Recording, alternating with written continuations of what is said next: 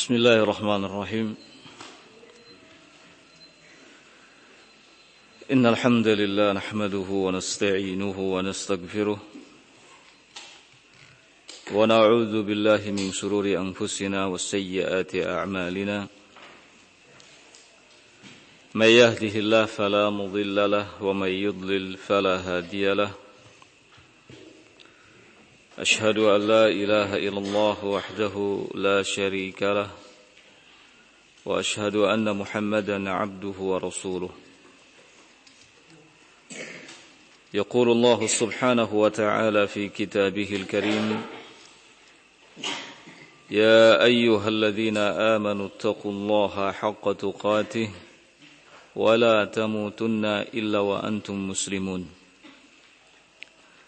يا أيها الناس اتقوا ربكم الذي خلقكم من نفس واحدة وخلق منها زوجها وبث منهما رجالا كثيرا ونساء واتقوا الله الذي تساءلون به والأرحام إن الله كان عليكم رقيبا.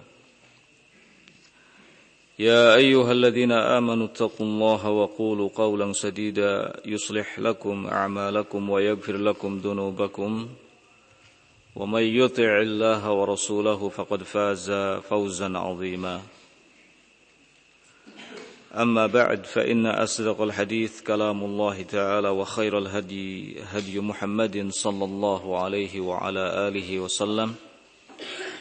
وشر الأمور محدثاتها فإن كل محدثة في دين الله بدعة وكل بدعة ضلالة وكل ضلالة في النار. Ikhwani fiddin akramakumullah. Pada kesempatan malam hari ini Kita akan melanjutkan kembali Kajian Kitab Riyadus Salihin Karya Imam Abu Zakaria An-Nawawi rahimahullahu ta'ala. Pembahasan kita masih dalam bab tentang tawadu dan merendahkan diri di hadapan kaum mukminin. Memasuki hadis yang pertama dari bab ini, Imam An-Nawawi rahimahullahu taala mengatakan wa an Iyad ibn Himar radhiyallahu taala anhu qala قال رسول الله صلى الله عليه وعلى آله وسلم إن الله أوحى إلي أن تواضعوا Diriwayatkan dari sahabat Iyad bin Himar Semoga Allah subhanahu wa ta'ala meridainya Beliau mengatakan bahwa Rasulullah sallallahu alaihi wa ala alihi wasallam bersabda Sesungguhnya Allah Ta'ala telah mewahyukan kepadaku Antawadu'u agar kalian wahai kaum muslimin Memiliki sikap tawadu Rendah diri. Hatta la yafkhar ahadun ala ahadin Wa la yabgi ahadun ala ahadin sehingga tidak ada seorang pun yang menyombongkan diri di hadapan temannya dan tidak ada seorang pun yang memiliki sikap dengki kepada temannya. Rawahu Muslim hadis diriwayatkan oleh Imam Muslim rahimahullahu taala. Di dalam hadis yang mulia ini Rasulullah Shallallahu Alaihi Wasallam menjelaskan bahwa obat dari penyakit sombong dan dengki adalah tawadu, sikap rendah diri. Kalau kita lihat kehidupan para salaf dahulu, maka sungguh kita akan menyaksikan sesuatu yang menakjubkan dalam hal muamalah mereka terhadap manusia. Mereka para salaf adalah orang-orang yang dengan bijaksana menempatkan manusia sesuai dengan kedudukan dan keadaannya. Kepada yang lebih muda dari segi usianya, maka mereka menganggapnya seperti anaknya sendiri. Mereka memberikan kasih sayang. Kepada yang lebih tua, maka mereka menganggapnya seperti ayahnya, seperti orang tuanya sehingga menampakkan rasa hormat. Kepada sesamanya, mereka menganggapnya seperti saudara. Sehingga berjalan seia sekata. Ini para salaf. Semoga Allah Subhanahu wa taala merahmati mereka semuanya. Dan itu semua adalah gambaran dari sikap tawadhu, sikap rendah diri yang ada pada diri mereka. Pada diri para salaf, semoga Allah Subhanahu wa taala merahmatinya. Ini kepada kaum muslimin.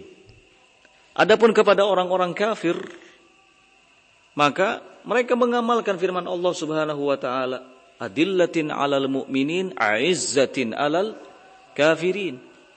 Menampakkan sikap tegas tidak merendahkan diri di hadapan orang-orang kafir. Ya. Tapi berikutnya hadis yang kedua. Qala wa an abi hurairah radhiyallahu taala anhu. Anna rasulullah sallallahu alaihi wa ala alihi wasallam qala Mana kasat sadaqatun min malin. Dari sahabat Abu Hurairah radhiyallahu taala anhu. Disebutkan bahwasanya Rasulullah shallallahu alaihi wa ala alihi wasallam telah bersabda, "Mana kasat sadaqatun min malin." Sodakoh dari harta itu tidak akan mengurangi harta itu sendiri. Artinya, harta yang disodakohkan itu pada hakikatnya tidaklah berkurang. Meskipun dalam pandangan banyak orang, harta yang disedekahkan itu secara kuantitas akan berkurang. Namun ingat, secara kualitas, kuantitas itu jumlah ya.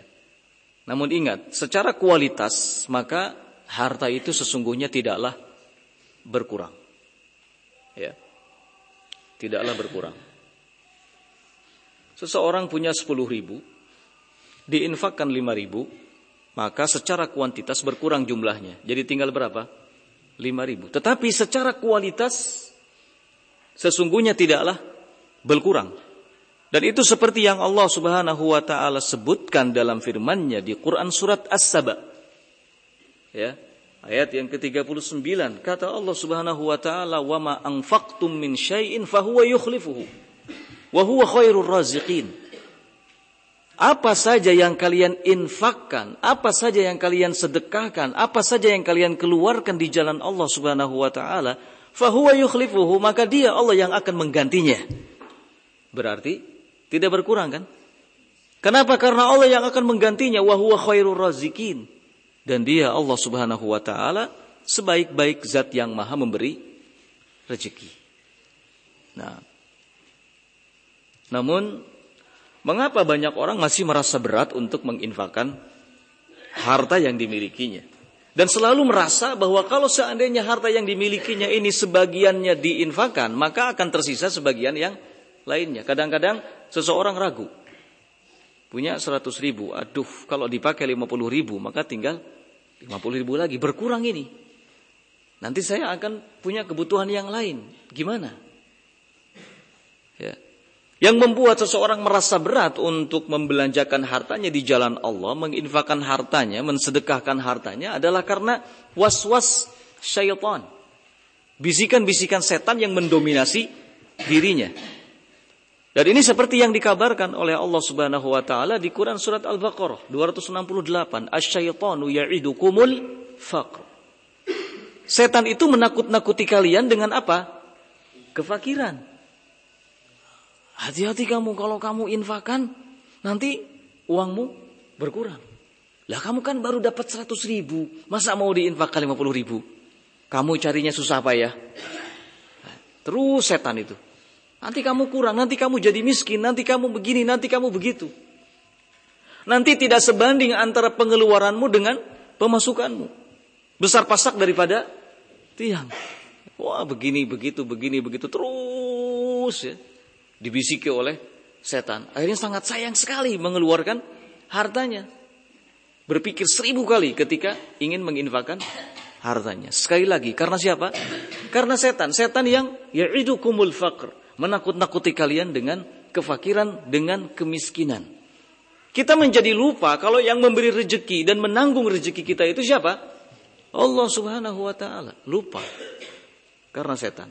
Dan ini harus kita ingat selalu. Setan menakut-nakuti kalian dengan kefakiran.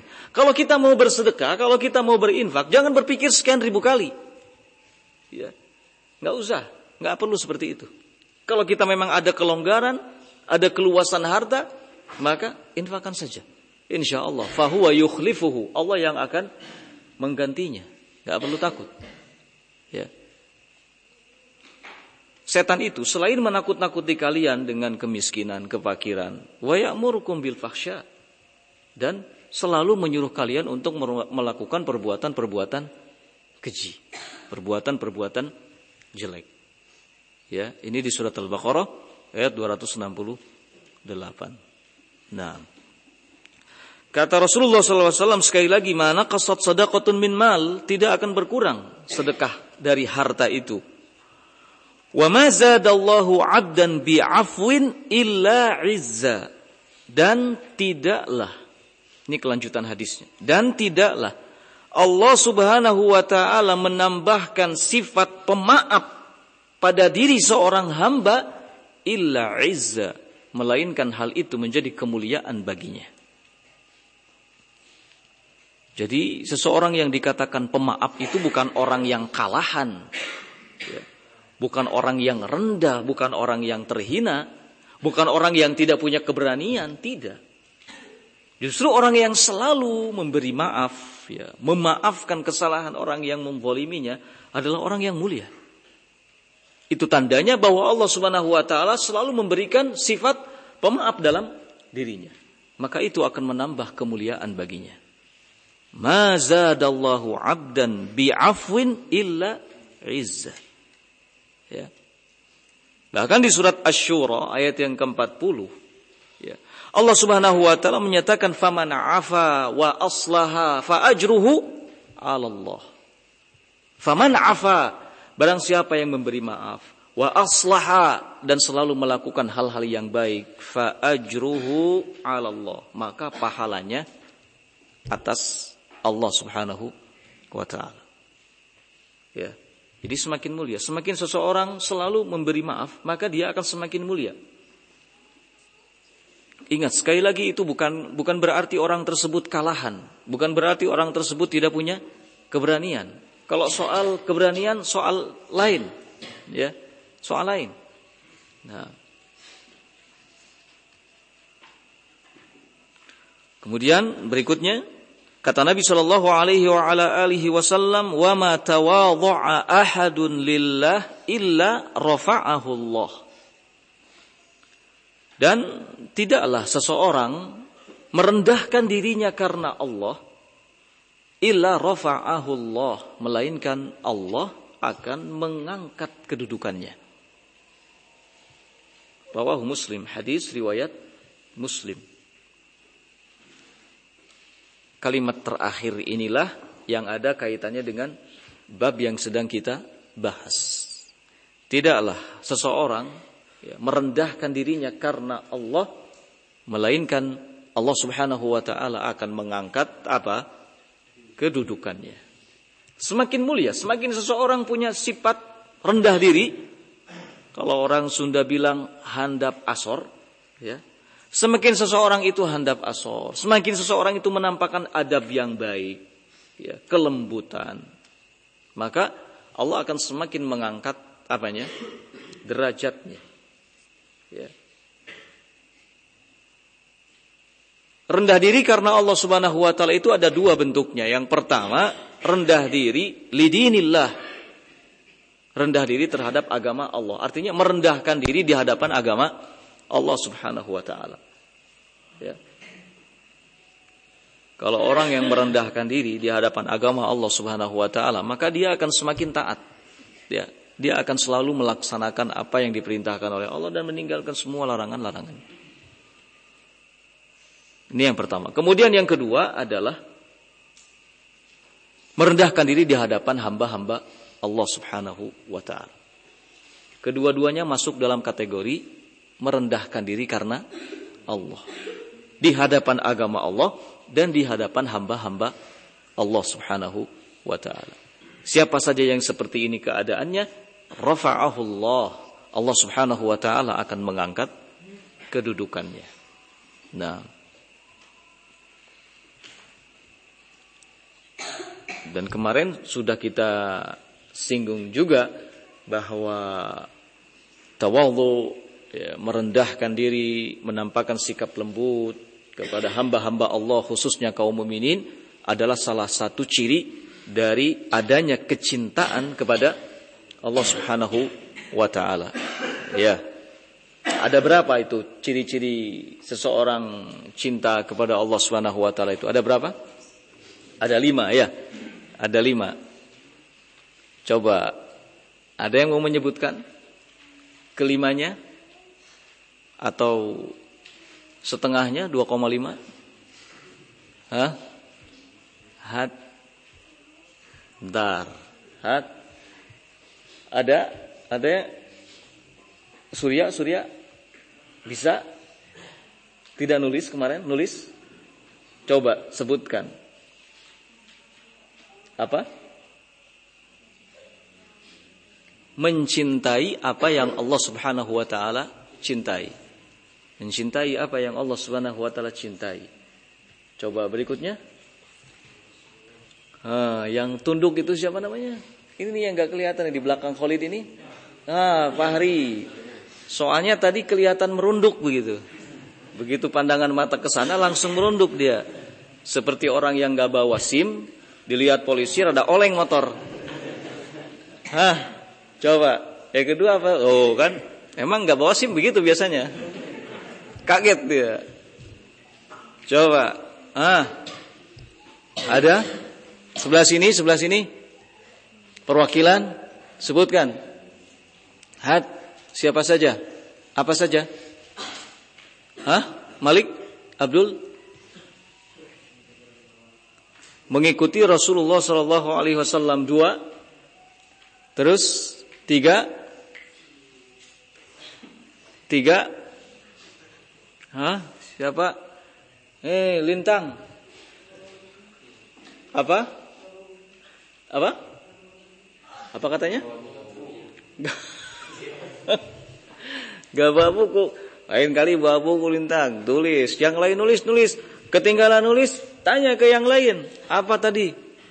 Tulis. Ya. Nanti disuntik kalau enggak. Siapa? Ya Allah, hat Muhammad semua yang namanya Muhammad. Hat, perwakilan. Semua apa? Selalu melakukan ketaatan kepada Allah. Ini berapa sekarang? Tiga, empat, empat. Ya Allah. Hah? Sudah lihat buku. Nah, jangan lihat buku. Hat. Empat. Hah, Vigo. Sultan sah.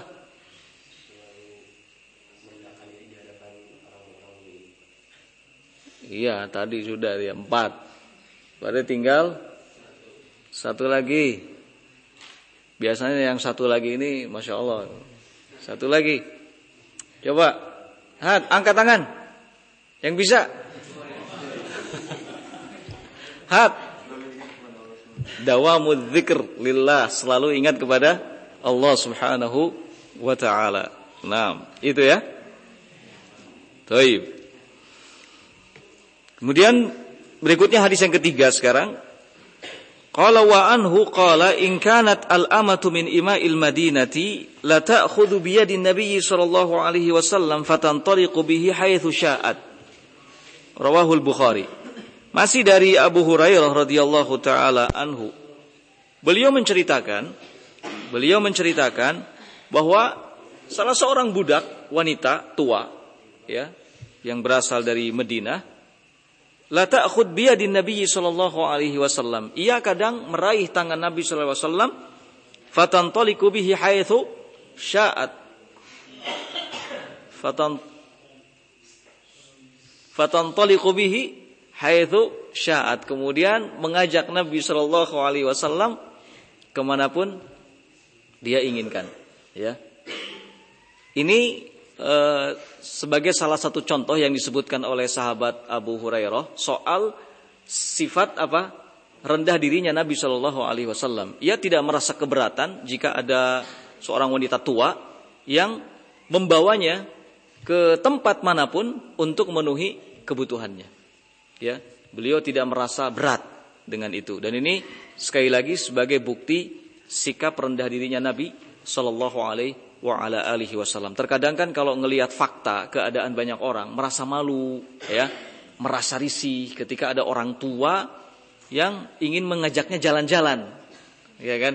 Yang ingin mengajaknya jalan-jalan. Kalau Nabi SAW tidak, ya, beliau e, selalu menyempatkan waktu, ya, untuk itu. Sekalipun ada orang tua yang ingin mengajaknya jalan jalan. Nah, Taib hadis riwayat Bukhari. Berikutnya hadis yang ke empat ya. Hadis yang keempat qala an Anas radhiyallahu taala anhu annahu marra ala sibyanin fasallama alaihim wa qala kana an-nabiy sallallahu alaihi wasallam yaf'aluhu muttafaqun alaih. Diriwayatkan dari sahabat Anas radhiyallahu taala anhu disebutkan bahwasanya Nabi Shallallahu uh, disebutkan bahwasanya beliau ya, beliau marra ala sibyanin suatu ketika melewati anak-anak kecil. Beliau sahabat Anas bin Malik suatu ketika melewati anak-anak kecil, ya. Fasallama alaihim. Kemudian beliau mengucapkan salam kepada mereka. Waqala sambil berkata, "Kana an-nabiyyu sallallahu alaihi wasallam yaf'aluhu."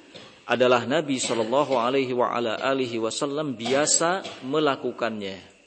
Maksudnya melakukan apa? Mengucapkan salam kepada anak-anak kecil. Jadi apa yang dilakukan oleh Rasul itu dicontoh oleh sahabat Anas bin Malik. Beliau satu ketika melewati sekumpulan anak-anak kemudian mengucapkan salam kepada mereka. Ya. Lalu setelah itu beliau memberikan penjelasan. Memberikan penjelasan. Apa penjelasannya? Ini adalah sesuatu yang biasa dilakukan oleh siapa? Oleh Nabi Shallallahu Alaihi Wasallam.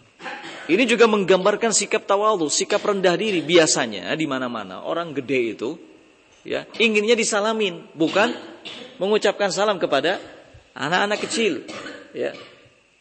Tapi Nabi Shallallahu Alaihi Wasallam beri contoh lain, para sahabat pun memberi contoh lain, ya. Justru mereka lah yang mengawali mengucapkan salam hatta kepada anak-anak kecil. Dan itu dalam rangka memberikan taklim juga, dalam rangka memberikan apa? pengajaran kepada mereka. Ya, supaya anak-anak itu terbiasa mengucapkan salam. Supaya anak-anak itu terbiasa mengucapkan salam. Nah, dan mengucapkan salam itu lebih utama dibandingkan dengan menjawab salam. Mengucapkan salam lebih utama dibandingkan dengan menjawab salam. Walaupun secara hukum Mengucapkan salam itu sunnah. Adapun menjawab salam hukumnya apa? Wajib. Tetapi dalam posisi ini yang sunnah dikatakan lebih utama daripada yang wajib. Jadi kalau antum ditanya mana perkara sunnah yang ternyata secara kedudukan lebih utama dibandingkan dengan perkara wajib. Jawabannya apa? Mengucapkan salam. Sunnah hukumnya. Menjawab salam hukumnya wajib. Tapi mengucapkan salam sekalipun sunnah hukumnya ternyata kata para ulama itu lebih afdol. Lebih utama orang yang mengawali mengucapkan salam itu. Kenapa? Karena menyebarkan sunnah Nabi Shallallahu Alaihi Wasallam. Ya. Dan kalau yang disalamin kan kadang-kadang mau tidak mau harus menjawab salam. Kalau orang yang menyalami kan itu tergantung kepada ke lapangan hatinya dan kerendahan dirinya ya. Sehingga tidak semua orang diberi taufik. Tidak semua orang diberi taufik untuk memulai mengucapkan salam ya. Nah, Nabi SAW mengatakan absus salam bainakum. Sebarkan salam di tengah-tengah kalian. Salam adalah sesuatu yang bisa menumbuhkan apa? Menumbuhkan kasih sayang menumbuhkan persaudaraan menumbuhkan ukhuwah menumbuhkan kedekatan Ya, setiap kali uh, kita bertemu satu sama lain, mengucapkan salam. Bahkan kalau perlu berlomba-lomba untuk mengawali mengucapkan apa? Salam. Dan ucapan salam ini tidak hanya berlaku di komunitas tertentu, katakanlah komunitas kita tidak. Kepada semua orang, Nabi SAW sampai mengatakan, Alaman arafta, waman la ta'rif kepada orang yang kamu kenal dan kepada orang yang sekalipun kamu belum mengenalnya. Ucapkan salam. Ya, ucapkan salam. Ini bagian dari akhlak, bagian dari dakwah. Nah, dakwah ilallah, akhlakul karimah. Ya, ucapkan salam kepada yang kita kenal ataupun kepada yang tidak kita kenal. Kalau kepada yang kita kenal tentu akan menambah rasa sayang, rasa kecintaan, ukhuwah, ya. Kan senang rasanya bila kita disalamin oleh seseorang. Senang rasanya. Dia mengucapkan salam kepada kita kemudian kita menjawabnya. Itu pertanda bahwa di antara antara kita dengannya tidak ada satu masalah apa pun. Ya tidak ada satu masalah apa pun. Beda kalau antara kita dengan saudara kita ada sedikit masalah ya atau bahkan setengah banyak masalah itu kadang-kadang malas mengucapkan salam. Atau bahkan menjawab salam pun jadi males ya kan? Nah ini kalau di antara kita dengan saudara kita ada sesuatu ya. Bukti bahwa kita dengan saudara kita tidak ada sesuatu tidak ada masalah tidak ada problem adalah apa? Mengucapkan salam. Bisa semakin mendekatkan bisa semakin saling menyayangi ya saling mencintai jadi pengaruhnya sangat luar biasa ya pengaruhnya sangat luar biasa. Hal sepele, tetapi pengaruhnya sangat luar biasa. Hal sepele sebenarnya. Gampang. Semua orang bisa mengucapkannya. Gratis, tidak bayar. Tapi subhanallah, ya, keutamaannya, kedudukannya sangat luar biasa.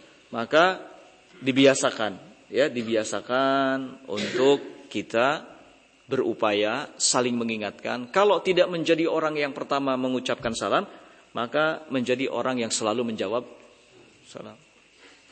Ya. Qala wa 'anil Aswad bin Yazid qala Su'ilat Aisyah radhiyallahu taala anha ma kana Nabi sallallahu alaihi wasallam yasna'u fi baitihi qalat kana yakunu fi mihnati ahli yani khidmati ahlihi fa idza hadaratis salah kharaja ila salah rawahul Bukhari. Hadis yang keenam eh ke berapa? Kelima dari Al Aswad bin Yazid. Beliau mengatakan Aisyah radhiyallahu taala anha pernah ditanya. Aisyah radhiyallahu taala anha pernah ditanya.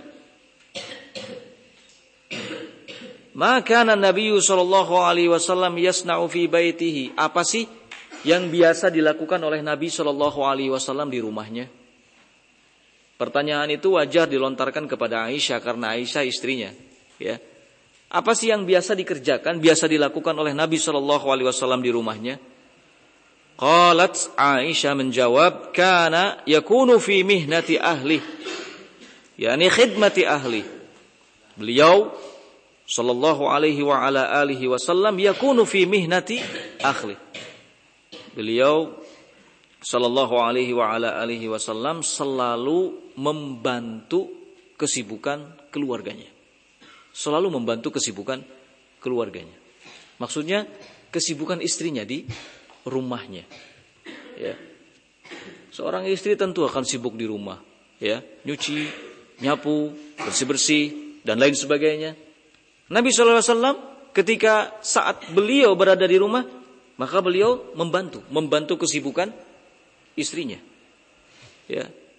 Karena itu kata para ulama, bukan hal yang tercela kalau seorang suami itu bikin teh sendiri. Bukan hal yang tercela kalau seorang suami itu bikin kopi sendiri. Udah tahu istrinya lagi nyuci, heh, bikin kopi. Selesai bikin kopi, heh, ambilin itu. Barang yang di dekat suaminya, misalnya ada satu barang, suaminya ingin mengambilnya. Padahal istrinya sedang berada di tempat yang jauh. Dipanggil dulu, heh, sini, sini. Apa? Ambilkan, ambilkan. Padahal dekat. Suami tinggal begini saja, itu sudah bisa diambil. Tapi enggak, ini hal yang buruk ya. Ini hal yang jelek. Jadi tidak ada salahnya bagi seorang suami bikin teh sendiri, bikin kopi sendiri, enggak salah, tidak tercela mengambil sesuatu dengan sendirinya.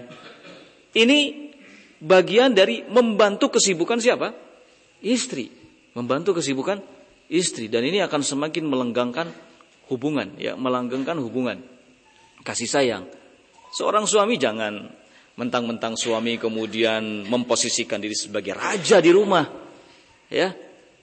Jangan seperti itu, tapi harus betul-betul menampakkan pergaulan yang baik, al-muasyaratu bil ma'ruf.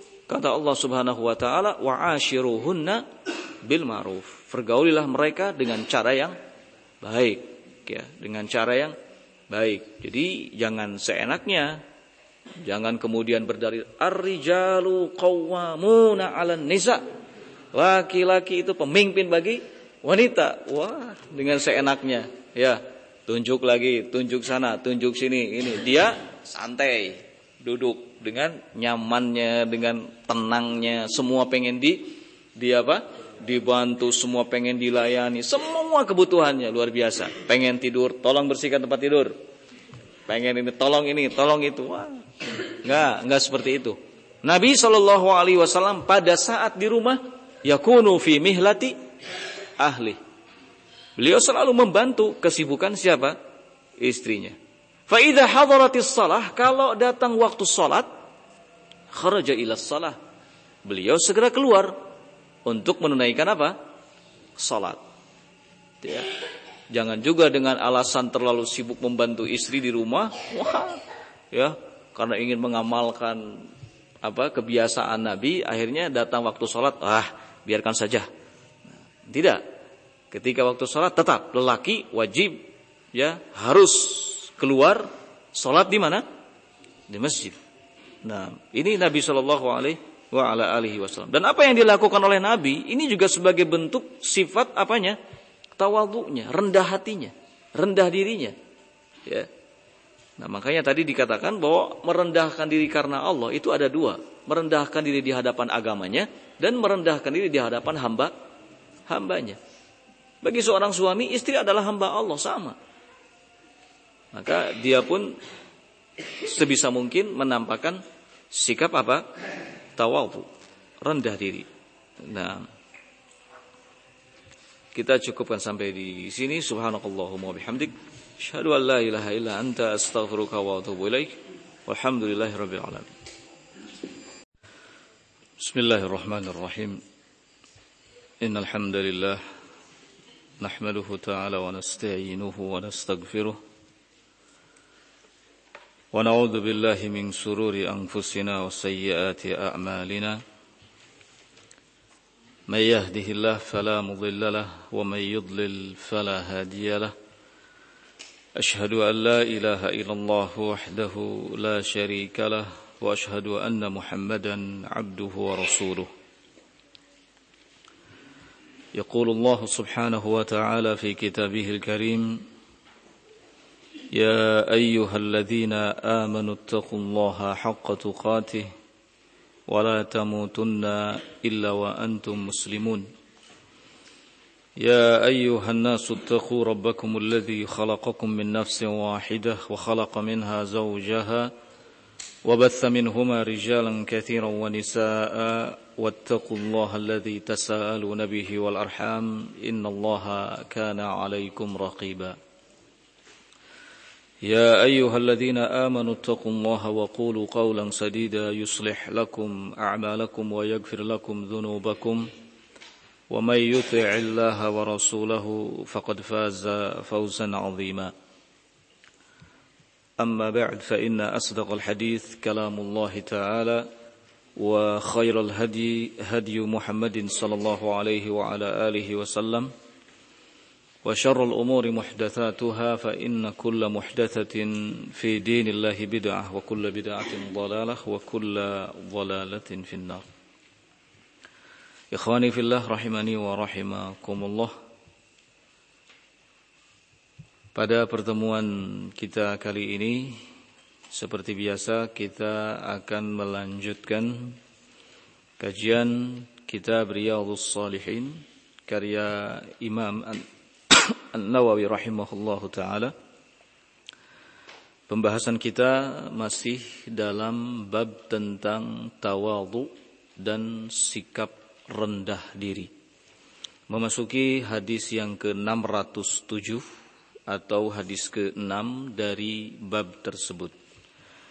Imam Nawawi rahimahullah taala mengatakan wa an Abi Rifa'ata Tamim bin Usaid radhiyallahu taala anhu qala Intahaitu ila Rasulillah sallallahu alaihi wa ala alihi wasallama wa huwa yakhtubu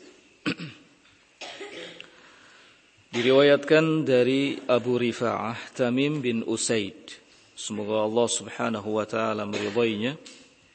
Beliau mengatakan, "Sampailah aku di hadapan Rasul sallallahu alaihi wa ala alihi wasallam ketika beliau sedang menyampaikan khutbah."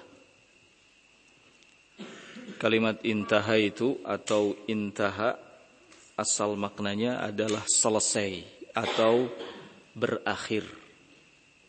Bila kita mendapati sebuah tulisan para ulama kemudian diakhiri dengan kata intaha, itu artinya tulisan tersebut selesai sampai di situ.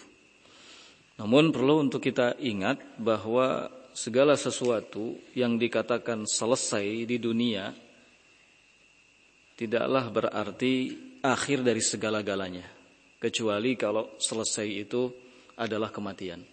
Kalau kematian maka ini menggambarkan bahwa itulah akhir dari segala-galanya dari kehidupan dunia. Di sini Abu Rifa'ah Tamim bin Usaid radhiyallahu taala anhu mengatakan sampailah aku ke hadapan Rasul sallallahu alaihi wa ala alihi wasallam saat beliau sedang menyampaikan khutbah. Berarti sebelumnya Abu Rifa'ah Tamim bin Usaid ini melakukan sebuah perjalanan yang cukup jauh ingin ketemu Rasul sallallahu alaihi wa ala alihi wasallam. Faqultu kemudian kata Tamim bin Usaid, "Ya Rasulullah, rajulun gharibun jaa yas'alu an dinihi la yadri ma dinuhu." Wahai Rasulullah, aku ini adalah seorang laki-laki yang asing Aku ini adalah seorang laki-laki yang asing. Aku orang asing. Seseorang yang disebut asing itu bisa jadi pertama karena dia tinggal di pedalaman ya. Tidak tinggal di perkotaan, tidak juga tinggal di perkampungan sehingga ketika datang ke kota, datang ke kampung menjadi orang yang asing. Kalau orang-orang kota, orang-orang kampung ketika mengecek sebuah aliran listrik itu biasanya pakai taspen. Ya, kalau orang ini mengecek apakah ada aliran listriknya atau tidak, maka kabelnya diputus kemudian dijilat sama lidah. Ya. Ini tanda bahwa orang itu benar-benar orang asing, orang kampung yang tinggal di pedalaman. Pedalaman yang jauh sekali. Ini. Orang yang seperti itu bisa jadi disebut orang asing atau Seseorang yang dikatakan asing itu adalah orang yang dia tinggal di perkampungan atau tinggal di perkotaan, tetapi dia tidak banyak gaul tidak banyak gaul. Jadi kata asing yang kedua ini adalah lawan dari apa? Gaul. Dia seringnya ngerumpi di rumah, nggak pernah bermuamalah berinteraksi dengan banyak orang, maka dia disebut asing. Tapi ingat, tidak setiap orang yang disebut asing itu orang yang jelek, tidak. Karena Rasul Shallallahu Alaihi Wasallam mengatakan tubalil Ghuraba. Beruntung bagi orang-orang yang disebut asing. Siapa mereka? Mereka adalah orang-orang yang berupaya untuk selalu melakukan perbaikan di saat semua manusia dalam keadaan rusak. Semua manusia rusak, dia tetap istiqomah di atas kebaikan dan berupaya menciptakan segala macam kebaikan sehingga keberadaannya di tengah-tengah kebanyakan manusia menjadi apa? Menjadi asing. Ya.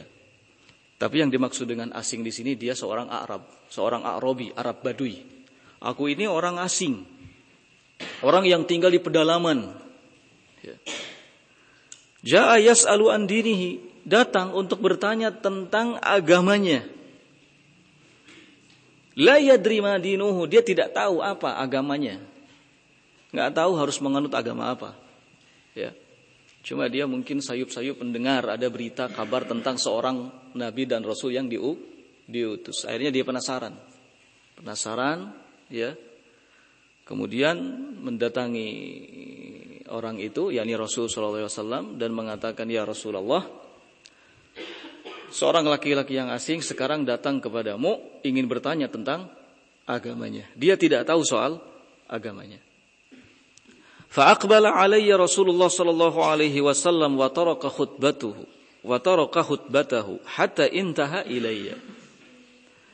Mendengar itu, aqbala alayya Rasulullah. Rasulullah kemudian menghadapkan dirinya kepadaku. Wa taraka khutbatahu dan beliau memutus khutbahnya hatta intaha ilayya hingga akhirnya beliau sampai di hadapanku. Jadi Rasul turun dari mimbarnya kemudian mendekati laki-laki itu. Ya. Fa utiya bi kursiyin.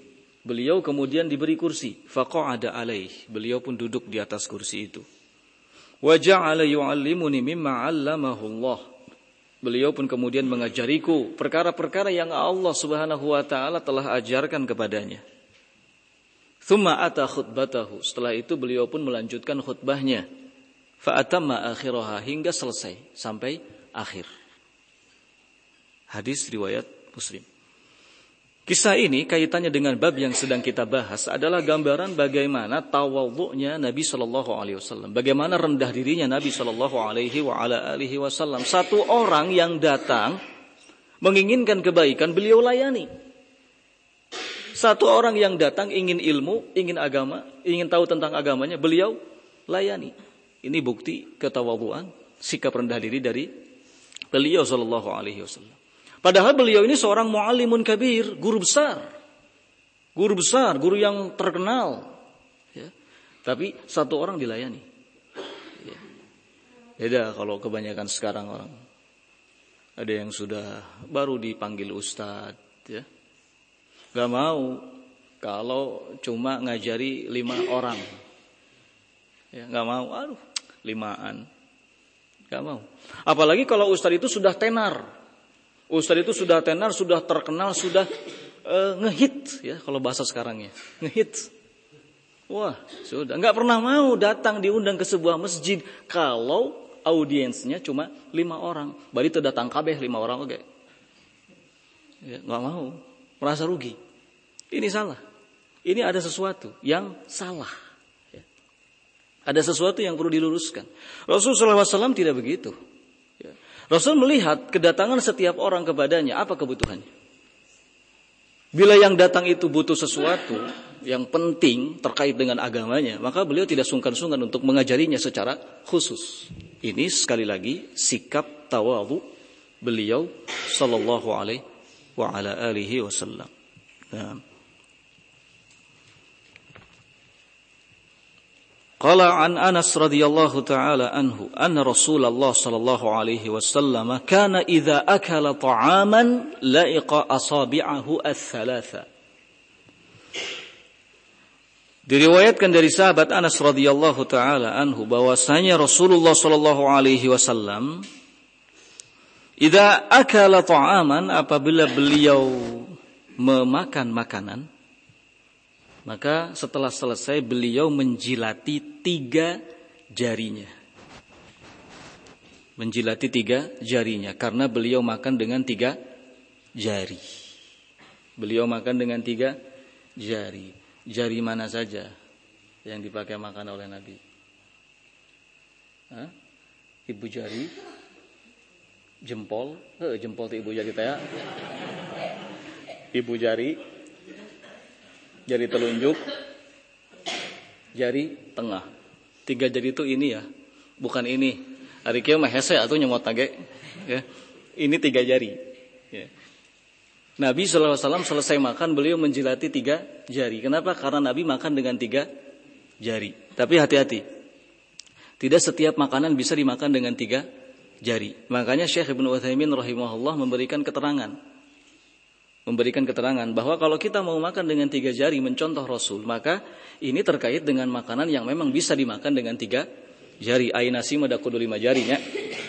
Kalau nasi harus lima jari, apalagi makan nasi berjamaah. Yang lain lima jari, ya tidur jari beakeun tah. Ya. Habis tuh. Nah sekarang pertanyaannya kalau ada seseorang makan dengan lima jari makan nasi yang dijilat tiga jari apa? Lima jari atau sepuluh jari Fayad?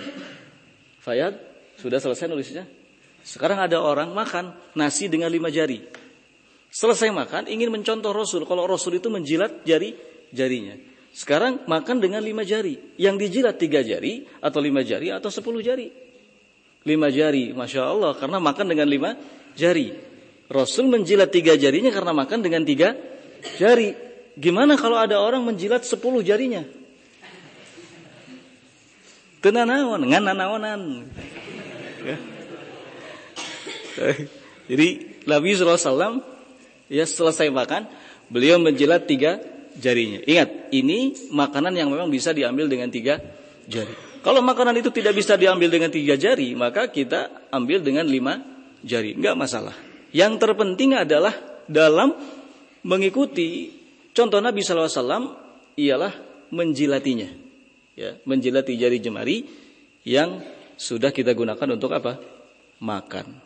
Nah, jadi yang pertama e, faidahnya, ya, faidahnya yang pertama mengikuti sunnah Nabi Shallallahu Alaihi Wasallam.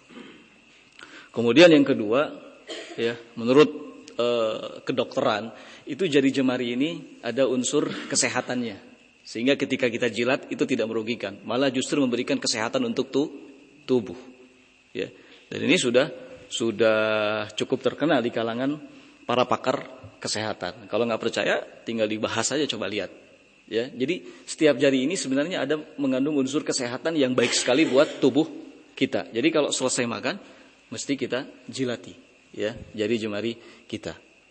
Ingat manfaatnya, faidahnya selain mengikuti sunnah Rasul itu merupakan apa?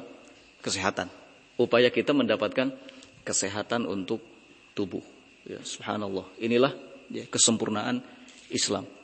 Nah, dalam segala hal Rasul Shallallahu Alaihi Wasallam mengajarkan, membimbing, mengarahkan kita ya kepada hal-hal yang bermanfaat bagi kita, bukan untuk urusan akhirat saja, tapi juga untuk urusan apa? dunia. Coba salah eh, contoh yang lainnya apa? Minum. Minum tidak boleh ber tidak boleh bernapas atau gimana? Atau boleh bernapas? Hmm? Tidak boleh bernapas di dalam gelas ketika minum. Ya, itu tujuannya apa? Menjaga bakteri ma masuk. Luar biasa. Ya, banyak hal.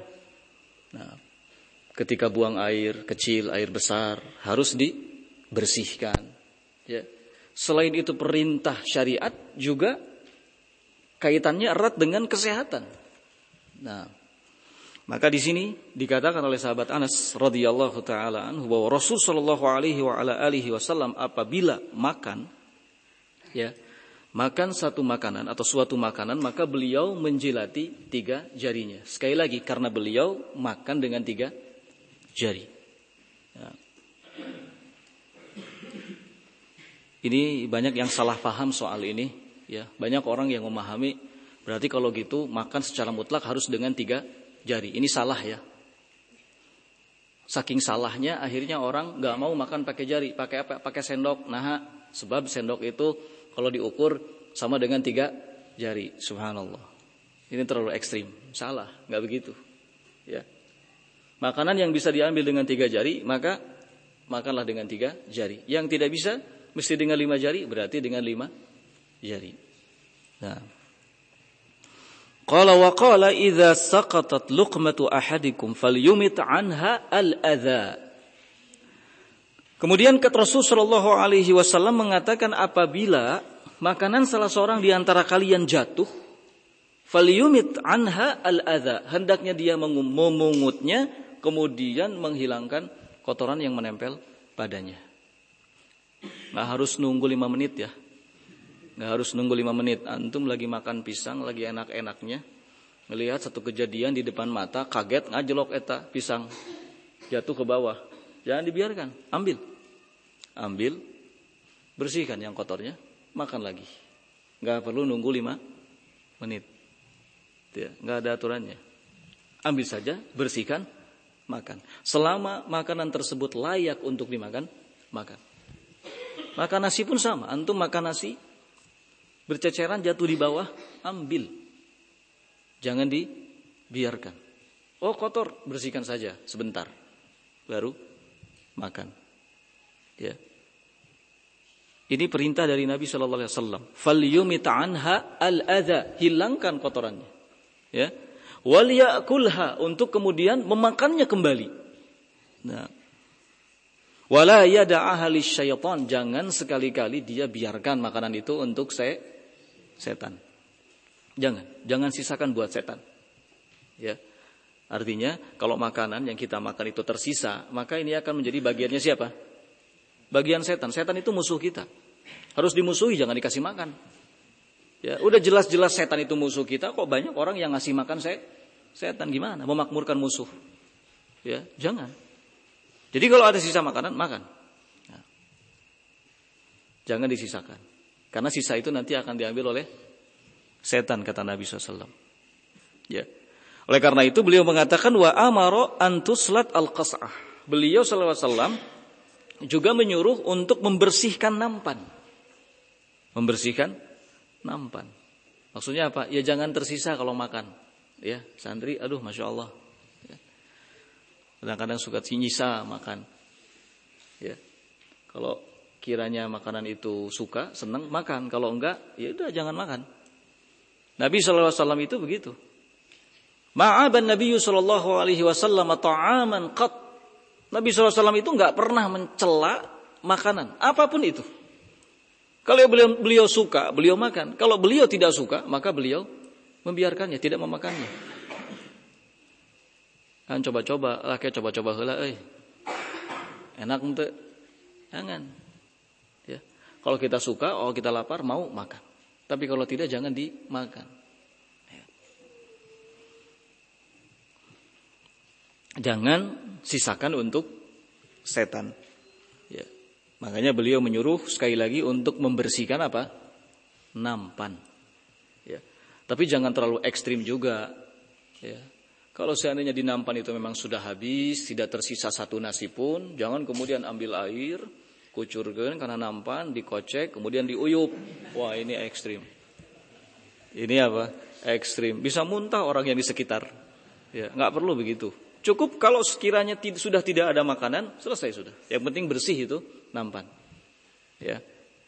Ini bukan cerita uh, omong kosong ya, memang pernah kejadian yang seperti ini, ya, pernah kejadian salah seorang iwa kita mungkin terlalu ekstrim ya dia ingin mengamalkan sunnah Nabi, ingin menjalankan perintah Nabi sampai setelah selesai makan habis semua. Di depan istrinya dia lakukan begitu. Selesai semua makan, nggak tersisa satu pun dari makanan yang dimakannya. Kemudian ambil air, kucurkan ke situ, dikocek. Setelah itu diminum, muntah istrinya. Ya, ini masya Allah. Kita mengamalkan sunnah itu harus dengan il, ilmu. Ya, nggak boleh juga kita serampangan. Kita tahu bahwa ini sunnah. Maka kita harus tahu bagaimana tatbiknya para ulama. Bagaimana pengamalannya para ulama terhadap sunnah ini. Kadang-kadang ada sesuatu yang datang dari Nabi Wasallam yang sifatnya global, sifatnya umum, seperti tadi saja. Nabi itu kalau makan dengan tiga jari, kalau dipahami secara lahir maka semua makanan harus dimakan dengan tiga jari. Ternyata para ulama tidak begitu pemahamannya. Ya, Para ulama tidak begitu pemahamannya. Para ulama mengatakan ini terkait dengan makanan yang memang bisa dimakan dengan tiga jari. Nah, di sini pentingnya apa? Ilmu ya. Di sini pentingnya ilmu, di sini pentingnya belajar. Nah, kalau agama itu bukan soal kebiasaan. Ya, kalau masalah dunia mungkin bisa lah soal kebiasaan. Bisa karena biasa, karena ada kata-kata yang seperti itu. Ya, bisa karena biasa. Oke, itu dalam urusan apa? Dalam urusan dunia. Kalau dalam urusan agama tidak. Mesti ada dasarnya, mesti ada sumbernya yang jelas, ada rujukannya kitab dan sunnah. Ya dengan pemahaman para ulama. Nah, Qala fa innakum la tadruna fi ayyi ta'amikumul barakah. Lalu kata Nabi Shallallahu alaihi wasallam sesungguhnya kalian tidak mengetahui di makanan bagian manakah yang ada berkahnya. Kita tidak tahu. Mungkin kalau kita sisakan makanan ternyata berkahnya ada di situ. Ya. Di sini kita kehilangan apa? Barokah. Barokah itu artinya kebaikan Allah yang sangat banyak yang terkumpul pada sesuatu. Jadi kalau sesuatu dikatakan barokah itu artinya terkumpul sekian banyak kebaikan dari Allah pada sesuatu tersebut. Ya, dalam makanan ada barokahnya. Dalam makanan ada barokahnya. Kita tidak tahu yang mana yang di situ ada barokahnya. Maka Nabi SAW memerintahkan kepada kita untuk menghabiskan makanan itu. Jangan menyisakannya. Jangan membiarkannya untuk setan. Bahkan Nabi pun menyuruh untuk membersihkan apa? Nampan yang kita gunakan untuk makan. Karena ada barokahnya. Dan kalian tidak tahu kata Nabi Wasallam di bagian makanan yang mana yang ada barokahnya. Nah, kaitan hadis ini dengan bab yang sedang kita kaji adalah bahwa orang yang makan ya sesuai aturan makan sesuai petunjuk Nabi Shallallahu Alaihi Wasallam ini menunjukkan bahwa dia menampakkan sikap tawadhu di hadapan Rasul Shallallahu Alaihi Wasallam. Karena tawadhu itu yang pertama tingkatannya tawadhu dalam agama Allah, yakni tawadhu kepada Allah. Yang kedua tawadhu kepada Rasulullah, yang ketiga tawadhu kepada sesama makhluk. Ya. Nah, seseorang yang melaksanakan segala hal yang diperintahkan dan meninggalkan segala hal yang dilarang, ini tanda kalau dalam dirinya ada sifat apa? Tawadhu. Rendah diri di hadapan kebenaran, tidak menyombongkan diri. Ya. Rawahu Muslimun hadis ini hadis riwayat Muslim. Berikutnya wa anhu anin Nabi sallallahu alaihi wasallam qala. Masih dari sahabat Anas radhiyallahu taala anhu. Dari Nabi sallallahu alaihi wa ala alihi wasallam qala law du'itu ila qura'in aw dhira'in laqabiltu. Walau uhdi ilayya dhira'un aw qurra'un laqabiltu. Rawahu al-Bukhari. Kata Nabi sallallahu alaihi wa ala alihi wasallam lau du'itu kalau aku diundang ila qura'in au dhira'in kepada jamuan makan kaki kambing. Kalau aku diundang kepada jamuan makan kaki kambing la qabiltu niscaya aku akan penuhi undangan tersebut. Ya Walau uhdi ilayya dira dan kalau seandainya aku diberi hadiah berupa lengan kambing, lengan kambing, sesuatu yang sepele, ya, sesuatu yang rendah, yang kecil, la qabiltu, niscaya aku akan menerimanya. Hadis riwayat Bukhari. Jelas sekali kaitan hadis ini dengan bab yang sedang kita bahas. Apa yang dilakukan oleh Nabi Shallallahu Alaihi Wasallam ini sebagai bentuk rendah dirinya, bentuk tawaduknya. Ya, diundang kepada jamuan makanan apa pun beliau hadir. Gak ngelihat, gak bertanya dulu. Ya, Beda dengan kebanyakan kita sekarang, ya kan? Ada teman kita ngundang ke kita, ayo Kang makan di rumah, jangan naon eh. Ya, ayalah goreng ini, goreng ini. Wah, sorry eh, nggak level.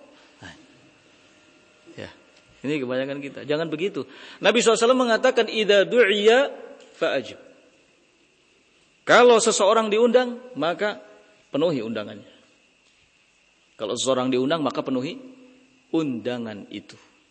Apalagi yang ngundang itu orang soleh. Seorang mukmin min ahli sunnah dari kalangan ahlu sunnah. Nabi SAW berpesan la yakul ta'amaka illa eh, la, la tusahib illa mu'minan wa la yakul ta'amaka illa taqi. Jangan kamu bergaul kecuali dengan seorang mukmin dan jangan sampai ada yang memakan makananmu kecuali orang yang bertakwa. Kecuali orang yang bertakwa. Etap para penuntut ilmu itu harus sering-sering diundang makan ya. Masya Allah mereka ini sedang berjuang di jalan Allah. Ya, sedang berjuang di jalan Allah, sedang melakukan sebuah amalan yang besar. Ya, sebuah amalan yang besar, lebih besar daripada jihad. Ya, menuntut ilmu, tolabul ilmu. Jadi harus sering-sering diundang.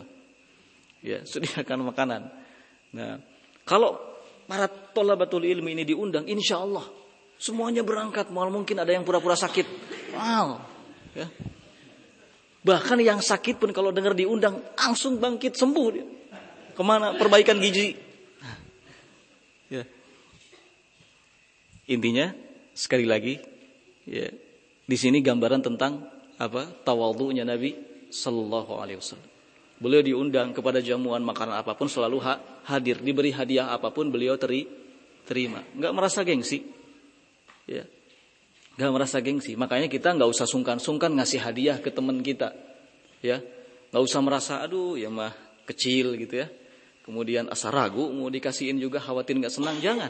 Kalau kita sudah berniat bermaksud untuk melakukan sebuah kebaikan, memberi hadiah kepada teman kita, lakukan. Man istata'a an yanfa'a li akhihi falyaf'al kata Nabi, siapa yang bisa melakukan kemanfaatan untuk saudaranya, lakukan. Tidak usah ragu, ragu. Lakukan. Kasih hadiah. Nih Kang, ada sedikit rezeki Soal dia suka atau tidak, ya itu urusan belakangan. Yang penting kasih. Yang dikasih mesti menerima. Soal suka atau tidak urusan belakang. Diterima saja, bawa ke rumah. Di rumah karena tidak suka mungkin bisa dikasihkan ke anggota keluarga yang lainnya. Nah, ini seorang mukmin. Ya. Ini gambaran dari sikap apa? Tawawu. Nah, jangan sampai engkau berteman dengan uh, jangan sampai engkau berteman kecuali dengan seorang mukmin dan jangan sampai ada yang memakan makananmu kecuali orang yang bertakwa. Imam Syafi'i rahimahullah dulu pernah bertamu ke rumahnya Imam Ahmad, masya Allah. Bertamu ke rumahnya Imam Ahmad yang menerima adalah anaknya Imam Ahmad. Dipersilahkan Imam Syafi'i untuk masuk. Setelah itu disediakan hidangan, makanan yang bermacam-macam. Dimakan oleh Imam Syafi'i sampai habis. Ini anaknya Imam Ahmad kaget ya ulama gening menikir makanan ya masya Allah ya tidak tersisa satupun dari makanan anaknya Imam Ahmad kaget akhirnya dia lapor kepada ayahnya ya Abi itu kok katanya ulama besar ini Imam Syafi'i. Kok makannya? Sampai banyak sekali nggak ada yang tersisa. Imam Ahmad hanya tersenyum. Karena Imam Ahmad sudah tahu. Ya akhirnya ditanyakan kepada Imam Syafi'i kenapa? Ya Anda memakan habis semua makanan yang, yang dihidangkan. Jawaban Imam Syafi'i bagaimana? Kata Imam Syafi'i, karena aku yakin ini makanan yang dihidangkan semuanya halal dan aku ingin memenuhi perutku dengan makanan-makanan yang halal. Subhanallah. Ya. Jaranglah si gakil istilahnya gitu. Kebanyakan makanan itu campur ya. Ada yang halal, ada yang haram. Tapi kalau di rumah Imam Ahmad, aku yakin ini makanan semuanya halal. Aku ingin perutku ini penuh dengan makanan-makanan yang halal sehingga tidak butuh lagi mengkonsumsi makanan yang haram atau penuh dengan syubhat. Ya. Jadi kalau ngundang, ngundang orang yang bertakwa. Ya, undang orang yang bertakwa. Dan orang-orang yang bertakwa kalau diundang hadir, jangan sampai nggak hadir. Ya, kehadirannya itu menunjukkan sikap tawalunya. Ya, kita yakin bahwa di rumah saudara kita ini, masya Allah, kalau soal makanan jangan ditanya, apa pun ada di sana, ya macam-macam. Tapi kita ingin mengundangnya, ya kita ingin mengundangnya, maka dia harus apa? Datang. Ya. Jangan sampai nggak datang. Dengan alasan ya menyepelekan makanan yang ada. Nabi SAW tidak begitu. Ya. Nabi sampai mengatakan seandainya aku diundang untuk makan kaki kambing, ya, niscaya aku akan menerima undangan itu. Nah. Kaki kambing bukan bukan apa? bagian yang disukai dari daging kambing oleh Nabi SAW. Tidak. Kaki kambing itu tulang kan kebanyakannya. Ya. Tapi Nabi Kalaupun ada yang mengundangnya untuk makan kaki kambing, mau datang. Ya. Ini zaman dulu yang orang belum terlalu banyak tahu variasi makanan. Kalau sekarang kan sop kaki kambing itu sesuatu yang istimewa. Ya. Nah.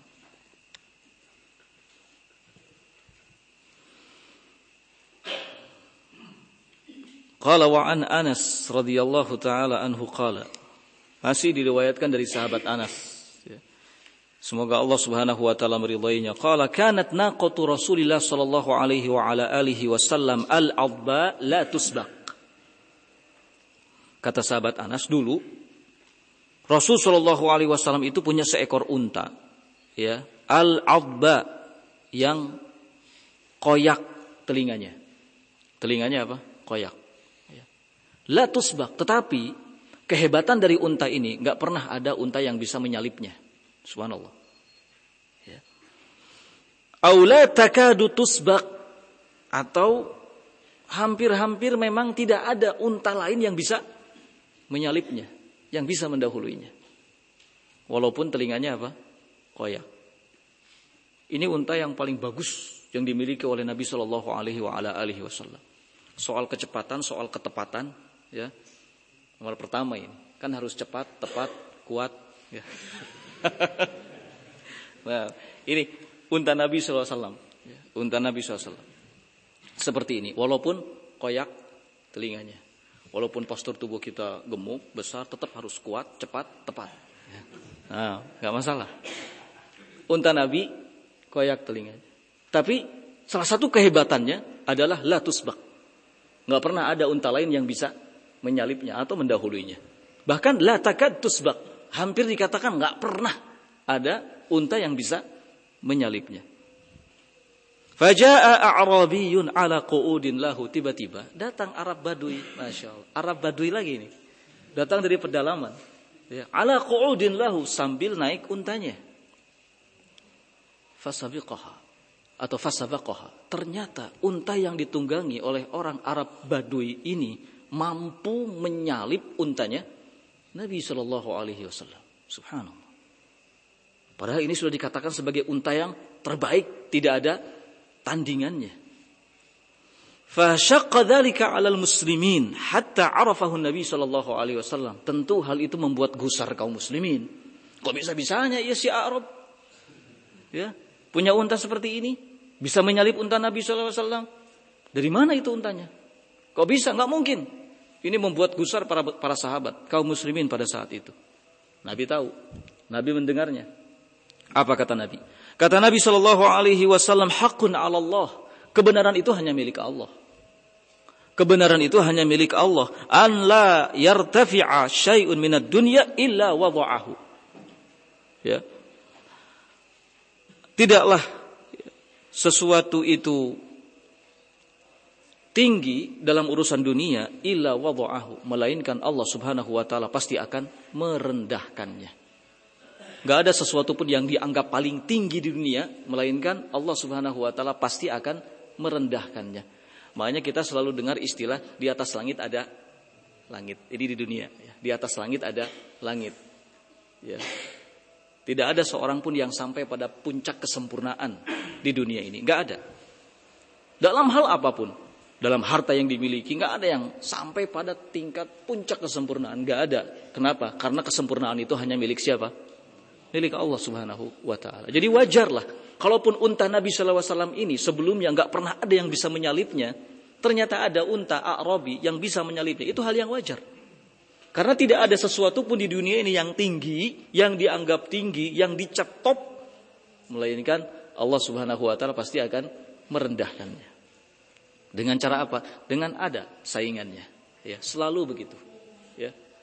Nah, oleh karena itu jangan sombong. Jangan besar kepala. Bisi celaka.